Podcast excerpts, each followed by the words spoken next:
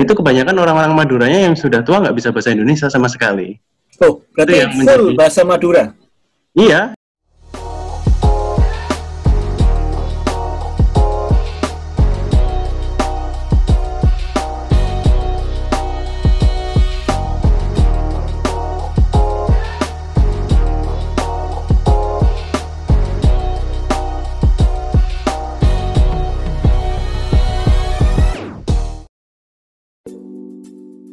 Selamat datang kembali teman-teman di Angkringan GTO. Nah, hari ini ah, kita masuk ah, apa ya sesi.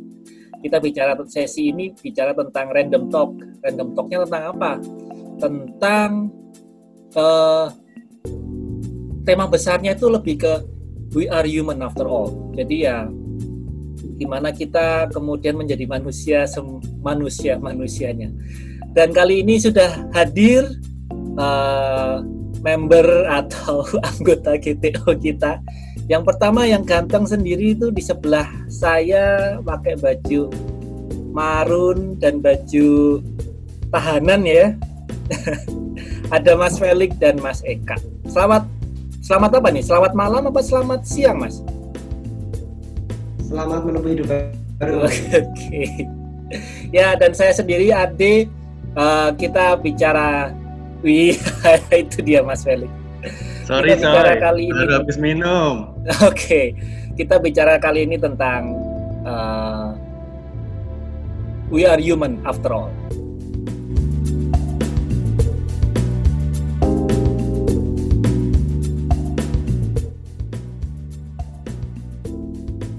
Oke, Mas Felix dan Mas Eka, boleh diceritakan nih, uh, ya dalam perjalanan kita selama berapa puluh tahun berteman ya? Jangan Dari- diungkapkan puluhan tahunnya. Nanti kita ketahuan tua, Pak. ya mungkin dari dulu kita sempat ketemu mungkin SD SMP atau sampai baru bertemu kuliah ya eh, kita sudah berpengalaman ketemu banyak orang. Nah kalau untuk saat ini saat yang eh, to now benar-benar sekarang Mas Felix, Mas Eka gimana? Coba deh Mas Felix dulu. Sekarang Mas Felix itu berada di mana? Bisa ceritakan lokasi profesinya di mana, ketemu siapa, keadaannya seperti apa. Mungkin singkat saja. Sebelum cerita ke sana, eh, sebenarnya lebih apa ya mem- membuat garis benang merahnya enak. Sebelum saya sampai di sini tuh saya eh, sekitar dua tahun lah kerja- kerja di Jakarta. Terus memilih untuk bekerja di satu daerah di ujung timur Pulau Jawa. Nggak timur-timur banget sih. Cuman yang dirasakan sangat berbeda ya di sini culture-nya. Saya pikir satu Pulau Jawa itu masih sama sama-sama Jawa gitu. Ternyata enggak Tapi ya. ternyata di sini banyak orang-orang yang tidak paham bahasa Jawa juga ternyata di daerah Jember sini. Jadi saya sekarang sudah mengabdikan diri di daerah Jember, jadi eh, kerja di Jember. Saya pikir orang-orang Jember itu banyak banyak apa ya bisa bahasa Jawa gitu. Tetapi nyatanya banyak yang malah bahasanya bahasa Madura. Bahkan di pinggir-pinggir eh, wilayah rumah gitu kan kalau saya kan eh, prefer rumah itu di daerah pinggiran gitu biar lebih adem dan itu kebanyakan orang-orang Maduranya yang sudah tua nggak bisa bahasa Indonesia sama sekali. Oh, berarti yang full menjadi- bahasa Madura. iya itu yang menjadi suatu tantangan juga sih untuk me- apa ya untuk membuat pergaulan gitu eh, di tengah masyarakat. Karena kan seperti paribasa ketika kita SD itu kan di mana langit dijunjung di situ kaki dipijak apa ya? Apa mas Eka paribasa itu mas bikin bikin paribasa sendiri nih kayaknya. waktu Di mana SD itu dipijak, di mana bumi dipijak di situ langit dijunjung. oh kebalik berarti Ya, mungkin begitu tadi Oke. untuk bahkan ya teman-teman di si Mas Felix ini yang masih ada di Pulau Jawa di daerah timur dia ngerasa merasakan adanya culture se- sebelumnya sih Mas Felix sempat berkarir di Jakarta bahkan sempat di pulau lain selain Jawa tapi Iya. ternyata dengan pengalaman baru di Jawa Timur ini di Jember dia juga merasakan culture shock yang baru. Nah kalau nah, menariknya nah, kalau kita coba kita dengarkan dari Mas Eka. Mas Eka gimana? Mas Eka ini kalau nggak salah berlalang apa melalang buananya di luar Pulau Jawa. Iya. Sebetulnya kalau kita bicara lokasi sih di situ-situ aja sih ya. Maksudnya saya sih di luar Pulau Jawa paling banyak ya di Pulau Kalimantan sebetulnya. Pulau Kalimantan. Kalau dari lokasi memang saya domisilian asli Jogja, kemudian awal bekerja di Kalimantan Timur uh, dengan culture kebetulan kalau Kalimantan Timur yang area saya tempati ini bagian besar itu Bugis, ada Dayak juga.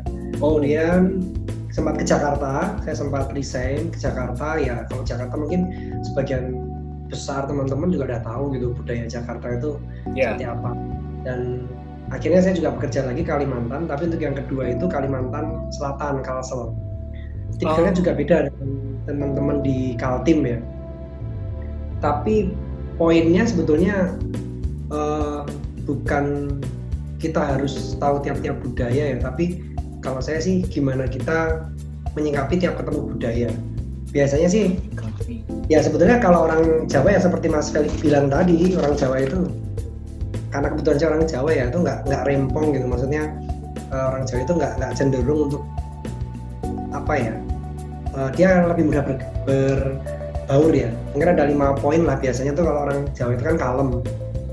Pasti rata-rata uh, sebagian seperti itu. Jadi kalem ketika mulai awal perkenalan kemudian prinsipnya itu kalau kita merantau ya mudah mudah membaur kalau saya sih secara simpelnya biasanya kita gunakan dalam berkomunikasi itu sedikit bahasa dari budaya orang yang kita ajak komunikasi. Hmm. Karena kalau saya itu di mining, mining itu ketemunya yang banyak itu ya sebenarnya dari semua daerah ada ya. Tapi apabila kita ketemu sama orang uh, Batak misalkan, ya kita ngobrolnya kita confident aja untuk misalkan memanggil dia itu dengan Lai, gimana kabar Lai gitu kan. Yeah. Kemudian ketemu orang Bugis misalkan, Daeng, gimana Daeng ketemu yang lebih tua gitu ya misalkan ya. Nah uh, itu sih salah satu metode berbaur yang paling mudah. Kemudian ya kita harus siap memang. Cara menyapa pun mungkin orang Batak itu sudah biasa agak keras. Ya jadi kita nggak usah malu-malu sebagai orang Jawa gitu. Ya sedikit aja agak keras gitu. Bercandanya sedikit uh, lebih selengean.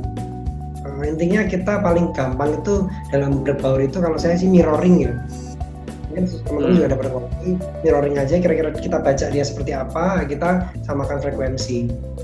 Yang ketiga yang ketiga biasanya memang udah bawaan ya kalau orang uh, ya terus saya kemudian eh, kebetulan suku Jawa biasa sopan santun itu sudah jadi apa namanya ya dari kecil lah biasanya harus sopan dan santun gitu.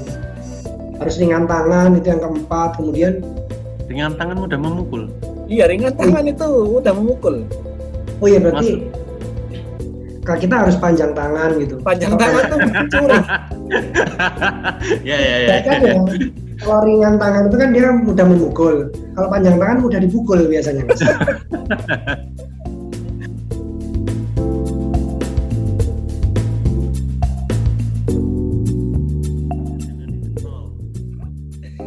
Oke, teman-teman kembali lagi dengan dengan pribadi seperti kita nih, maksudnya untuk bertemu orang baru kita lebih mudah untuk uh, apa ya memulai pembicaraan. Uh, sempat terkena kendala nggak? Kalau di Mas Eka udah bilang ya sedikit sedikit kita mengikuti mereka punya budaya seperti apa, cara berbicaranya seperti apa. Tapi uh, so far bertemu dengan hal yang sangat menantang nggak dengan teman dengan dunia baru dengan teman-teman yang punya background baru. Sebagai contoh nih, saya saya di Jepang jelas bahasa Jepang itu kalau belajar sehari semalam juga nggak akan bisa ya dan budaya Jepang itu sangat tricky menurut saya. Ada hal-hal baru yang saya pelajari. Tapi sebisa mungkin ya karena saya juga sempat nonton dan ngikutin Naruto, dulu kecilnya juga baca manga gitu ya. ya dengan dengan apa yang saya dengar dari situ kita coba pronunciation bicarakan ya so far lebih diterima karena kita berusaha mendalami dan berbicara dengan bahasa mereka jadi lebih diterima dan itu memudahkan saya sih tapi so far tantangannya memang kemudian untuk bicara fluent secara lancar ya susah Tapi gimana? Kalau ketemu orang Madura sampai sekarang masih nggak bisa ngomong, Mas Felix? Uh, belum bisa sih, cuman paling satu dua kata. Misal yang biasa kan terima kasih gitu, matur selangkong, sakalangkong kayak gitu. Sakalangkong. Yang yang ibaratnya lebih menghargai mereka lah yang kata Mas Eka tadi kan dibilang kita mirroring lah yang yang biasa kan mirroring. kan terima kasih halo gitu kan yang bisa kira-kira kena gitu buat mereka untuk menyapa duluan mirroring oke okay. Mas Eka gimana selain teknik yang tadi sudah diceritakan ada tantangan yang lebih tinggi uh, ya memang komunikasi itu yang pertama sih jadi maksudnya kita selesaikan dulu masalah komunikasi baru kita selesaikan masalah kerjaan sih. Biasanya seperti itu karena uh, kita juga nggak bisa misalkan pun kita memiliki jabatan yang lebih tinggi dari seseorang gitu. Tapi kalau kita secara komunikasi sudah salah langkah, ya untuk kerjaan pasti tidak akan clear gitu. Kalau kita bicara pekerjaan ya, mau kita memberikan instruksi pun ketika permasalahan pertama komunikasi itu belum selesai, ya artinya kita instruksi apa pun tidak akan sampai. Kalau kendala di aktual ya di lapangan di dalam berkomunikasi memang kendalanya kalau ketemu orang yang cenderung uh, introvert atau lebih tepatnya kan sebagian besar introvert gitu ya. Tapi lebih tepatnya itu dia minim feedback dan pendiam nah itu yang lebih susah oh I see ya ya kita nggak tadi sama seperti Mas Adi nggak sebut suku ya. Tapi memang secara personal ada sebagian orang seperti itu itu memang paling susah dibaca ya. Apakah orang ini menerima atau enggak? Apakah orang ini sebetulnya uh, marah atau enggak? Atau apakah akan dilaksanakan atau enggak? Yang mau kita siarkan atau instruksikan ya itu. Jadi paling susah kendala ya kalau ketemu orang yang minim feedback. Jadi kita nggak bisa baca tuh sebetulnya penangkapannya seperti apa. Itu sih mas. Tapi oh, anu Mas Adi, ada ya, tambahan Mas Adi. Uh, menurut saya sih di mana-mana pun kita berada, sebenarnya hmm. masalah komunikasi pergaulan itu cuman kita bisa memanfaatkan three magical word. Terima hmm. kasih, maaf, dan tolong. Udah itu aja. Di mana pun kita melakukan hal tersebut, kemungkinan besar kita bakal diterima kok di lingkungan. Setuju. Ya, ini three magical word nih muncul di sesi ini, menarik juga. Ya. Jadi sebenarnya saya berpikir kita berbicara tentang culture shock, kemudian berbicara dengan banyaknya apa ya uh, budaya adat latar belakang seseorang di dunia ini di tempat kita berada sekarang profesi kita lingkungan kerja kita dan ternyata memang uh, ke, semuanya kembali kepada pribadi kita semuanya kembali ke ke bentuk yang dibuat uh, gimana ya bahasa kembali kepada bagaimana kita dibentuk dan di mana di situ ada three magical words. Jadi semuanya itu sangat berhubungan ya menurut saya. Dan dan satu lagi sebenarnya yang menarik uh, yang dari dulu saya sempat dengar dan saya coba praktekkan dan selama ini selalu selalu bisa berhasil itu saat kita punya niatan baik ya saat kita hmm. memang memang melakukan sesuatu niatannya baik mau apa pun yang terjadi dalam mau berliku atau apa pun kalau kita berniatan baik ya nanti hasilnya juga akan baik jadi begitu hmm. kita mau berteman kita mau ketemu orang yang mungkin itu sekasar-kasarnya atau mungkin menurut kita kasar tapi ternyata enggak nah itu ya e, begitu kita punya baik pasti nanti kita akan mendapatkan hasil yang baik.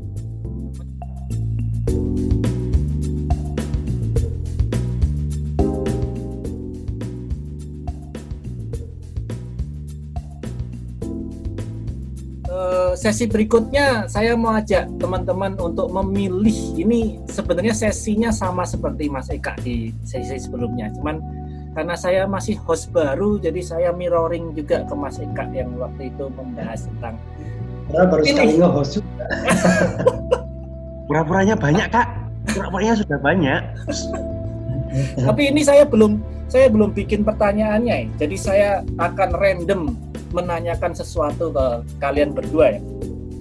Menjebak nggak okay. ini pertanyaan? Ini ini masih berhubungan dengan tema kita kali ini yaitu tentang tadi we are human after all ya ketemu orang yang berbeda-beda culture shock dan lain-lain. Nah, un, pertanyaan pertama nih.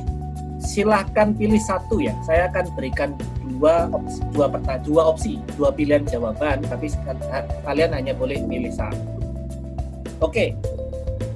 Untuk mencoba hal yang baru, kalian ingin di mana? Oke, untuk mencoba hal yang baru, kalian ingin di mana? Pilihannya di benua Asia atau bukan buna benua Asia.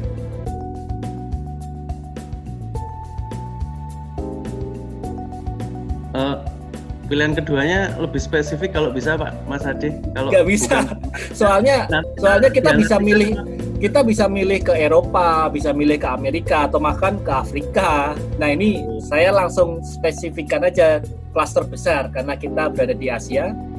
Benua Asia atau non Asia? Kalau saya apa Mas Eka dulu nih? Mas Eka dulu. Urut urut tua lah Mas Eka dulu. Non Asia lah ya. Non Asia. Mas Mas Felix? Sama non Asia. Oh non Asia, oke, menarik dua jawaban sama. Kenapa nih? Karena kita satu perguruan, jadi pilihannya sama. Jadi kita saling DM tadi. Biar oh, iya. udah udah udah contek-contekan nih. Enggak, enggak, enggak, enggak, enggak. Apa yang motivasinya kok tidak ingin eksplor Asia padahal Asia masih luas loh. Misalnya di Jepang, Korea Selatan, yang lain. Oh maaf nih ada penampakan nih nanti ditutup dulu aja ya. Kenapa nih? Kenapa di Asia? Uh, eh sorry, ken sorry sorry. Kenapa non Asia? Mas Eka mungkin mau menjawab? Uh, kalau saya sih simpel aja.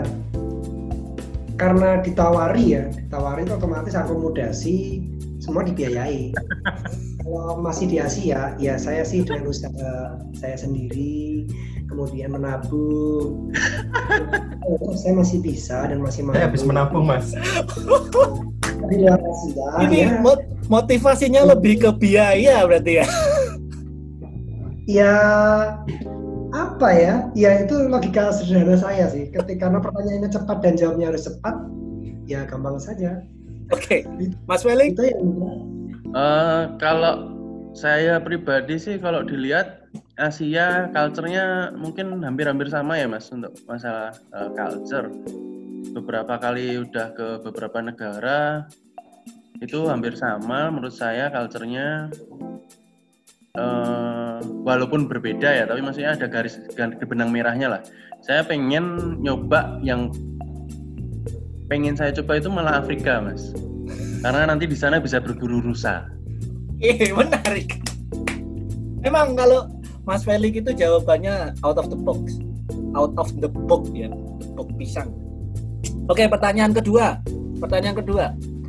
Um, dalam 20 tahun ke depan Anda ingin tinggal di pulau mana di Indonesia? Jawa atau non Jawa? Jogja. Jawa ya. Mas Eka? Jawa. Jawa. Oke, kenapa? Karena sudah nyaman, memang nyaman di Jawa. Iya, karena ya, tadi saya duluan. Oh ya, baik, baik. Baik, Mas. Ya, salah satunya karena memang uh, orang tua di Jogja ya. Jadi sudah nyaman juga di Jogja dengan budaya culture dan sebagainya. Saya rasa Jogja merupakan kota, salah satu kota yang nyaman untuk menjadi apa ya tempat tinggal di hari tua. Tetapi ada satu mimpi sebenarnya dengan istri saya bahwasanya ketika nanti kita sudah mungkin sudah mulai umur 40, 50 itu kalau bisa kita mempunyai suatu apa ya? Kind of uh, organisasi yang non profit gitu tapi di daerah Nusa Tenggara gitu loh untuk bantu mereka untuk uh, sekolah lah at least kayak gitu. menarik. Itu pandangan aja sih. Jadi kayak Arisia Saleh nih ya sama Wus. tapi kalau Arisia Saleh bukannya di Papua sana ya, ya? di Papua. Ya Arisia Saleh Papua. Kalau Aris Setiawan ya di ya ya ya ya ya soalnya gini mas saya lihat event yang tadi kan di Jember itu ketimpangan pembangunan tuh ny nampak nyata gitu. Itu masih di Pulau Jawa, apalagi bahkan di, di Jember ya, apalagi ya. di timur dari Jember. Iya, apalagi okay. di Pulau. Thank you Mas Felix. Gimana Mas Eka? Jawa yang ya apa namanya ada istilah bangun desa ya. Jadi kalau saya lihat yang pertama faktor kedekatan keluarga itu juga pasti menentukan. Kemudian uh, di Jogja itu masih banyak yang bisa di apa ya kita gali lah kita explore lebih gitu. Uh, jadi saya mikirnya sih simpel aja sih. Uh, jadi misalkan kita pengen jadi kaya itu bisa nggak harus jauh-jauh gitu. Kita bisa mengkayakan diri sendiri dan lingkungan sekitar kita ya di daerah kita gitu. Uh, kalau mimpinya sih ke arah sana. Jadi kalau bisa di Jogja ya di Jogja gitu tapi mainnya ke mana-mana asik apalagi okay. di Eropanya dibayarin dan sudah aman. Oh gitu. Oke, terima kasih. Pertanyaan terakhir, pertanyaan terakhir. Um, yang menjadi manusia dengan tema kita hari ini, uh, dengan kita tadi sudah membahas three magical words. Pilih mana? Memberi atau menerima? Mas Eka? Memberi. Mas Felix? sama satu perguruan memberi dong memberi. Alasan? alasan? Ya contoh gampang lah. Kalau kita memberi itu nantinya kita walaupun nggak mengharap akan dikasih kok. Itu hmm. aja sih sih kalau kita memberi yang bagus otomatis kita feedbacknya sih nanti juga akan bagus. Yes. Tapi kalau kita mengharap menerima dulu tanpa kita memberi sesuatu kepada orang ya gimana gitu nggak nggak logis aja sih. Kita mengharapkan sesuatu tapi kita nggak memberikan sesuatu kita nggak ada hukum Newton pertamanya gitu. Ya karena energi itu kekal ya. Ya hmm. benar. Ya event kembali. Eh, ya. event Oke teman-teman, nah terima kasih. Udah nggak ter, nggak terasa nih udah hampir hampir 30 menit. Eh kak jawabannya sama, jawabannya sama. Tadi satu sepertemuan sudah telepati tadi udah udah tahu jawabannya pasti akan sama. Jadi okay. menarik sekali teman-teman. Terima kasih udah kita berbicara banyak tentang we are human after all, gimana tentang culture shock di tempat kita uh, apa namanya berprofesi sekarang dan sekarang apa namanya tadi disebutkan gimana kita kalau approach sama orang-orang baru yang backgroundnya beda salah satu caranya dengan mirroring kita berusaha mengenalkan eh, bukan mengenalkan ya kita berusaha lebih dulu mengenal mereka. Dari sini kita lebih dulu memberi memberi perhatian dengan mirroring cara gimana mereka berbudaya punya basic apa. Maksudnya basic itu bahasanya seperti apa atau budaya seperti apa kita coba selami saya misalnya di Jepang Mas Felix misalnya di Jember Mas Eka misalnya di Kalimantan ketemu berbagai macam teman yang backgroundnya berbeda kita coba mirroring dulu. Yang intinya kita coba selami ya nothing tulus. Yang penting niatannya bagus. Dari situ ya sambil berjalan kita syukur-syukur bisa dapat hasil yang baik. Dan tadi dari pertanyaan-pertanyaan itu ya sepertinya sejalan ya selaras dengan apa yang dibicarakan yang penting juga terakhir three magical words yang pertama tolong tolong ya Mas Felix diteruskan Ya, uh, maaf kalau dari kata-kata kita yang misal ada yang kurang berkenan. Mau selebihnya Mas Eka tolong. Ah, baik, terima kasih buat Mas Ade yang sudah menjadi host dengan tema yang sangat menarik, Mas Felix yang sudah jadi salah satu narasumber dan juga tentunya teman-teman yang mau sampai akhir mendengar atau menonton video kami. Sekali lagi saya ucapkan mewakili saya dan teman-teman GTO nih, angkringan GTO, terima kasih. Okay, bye bye.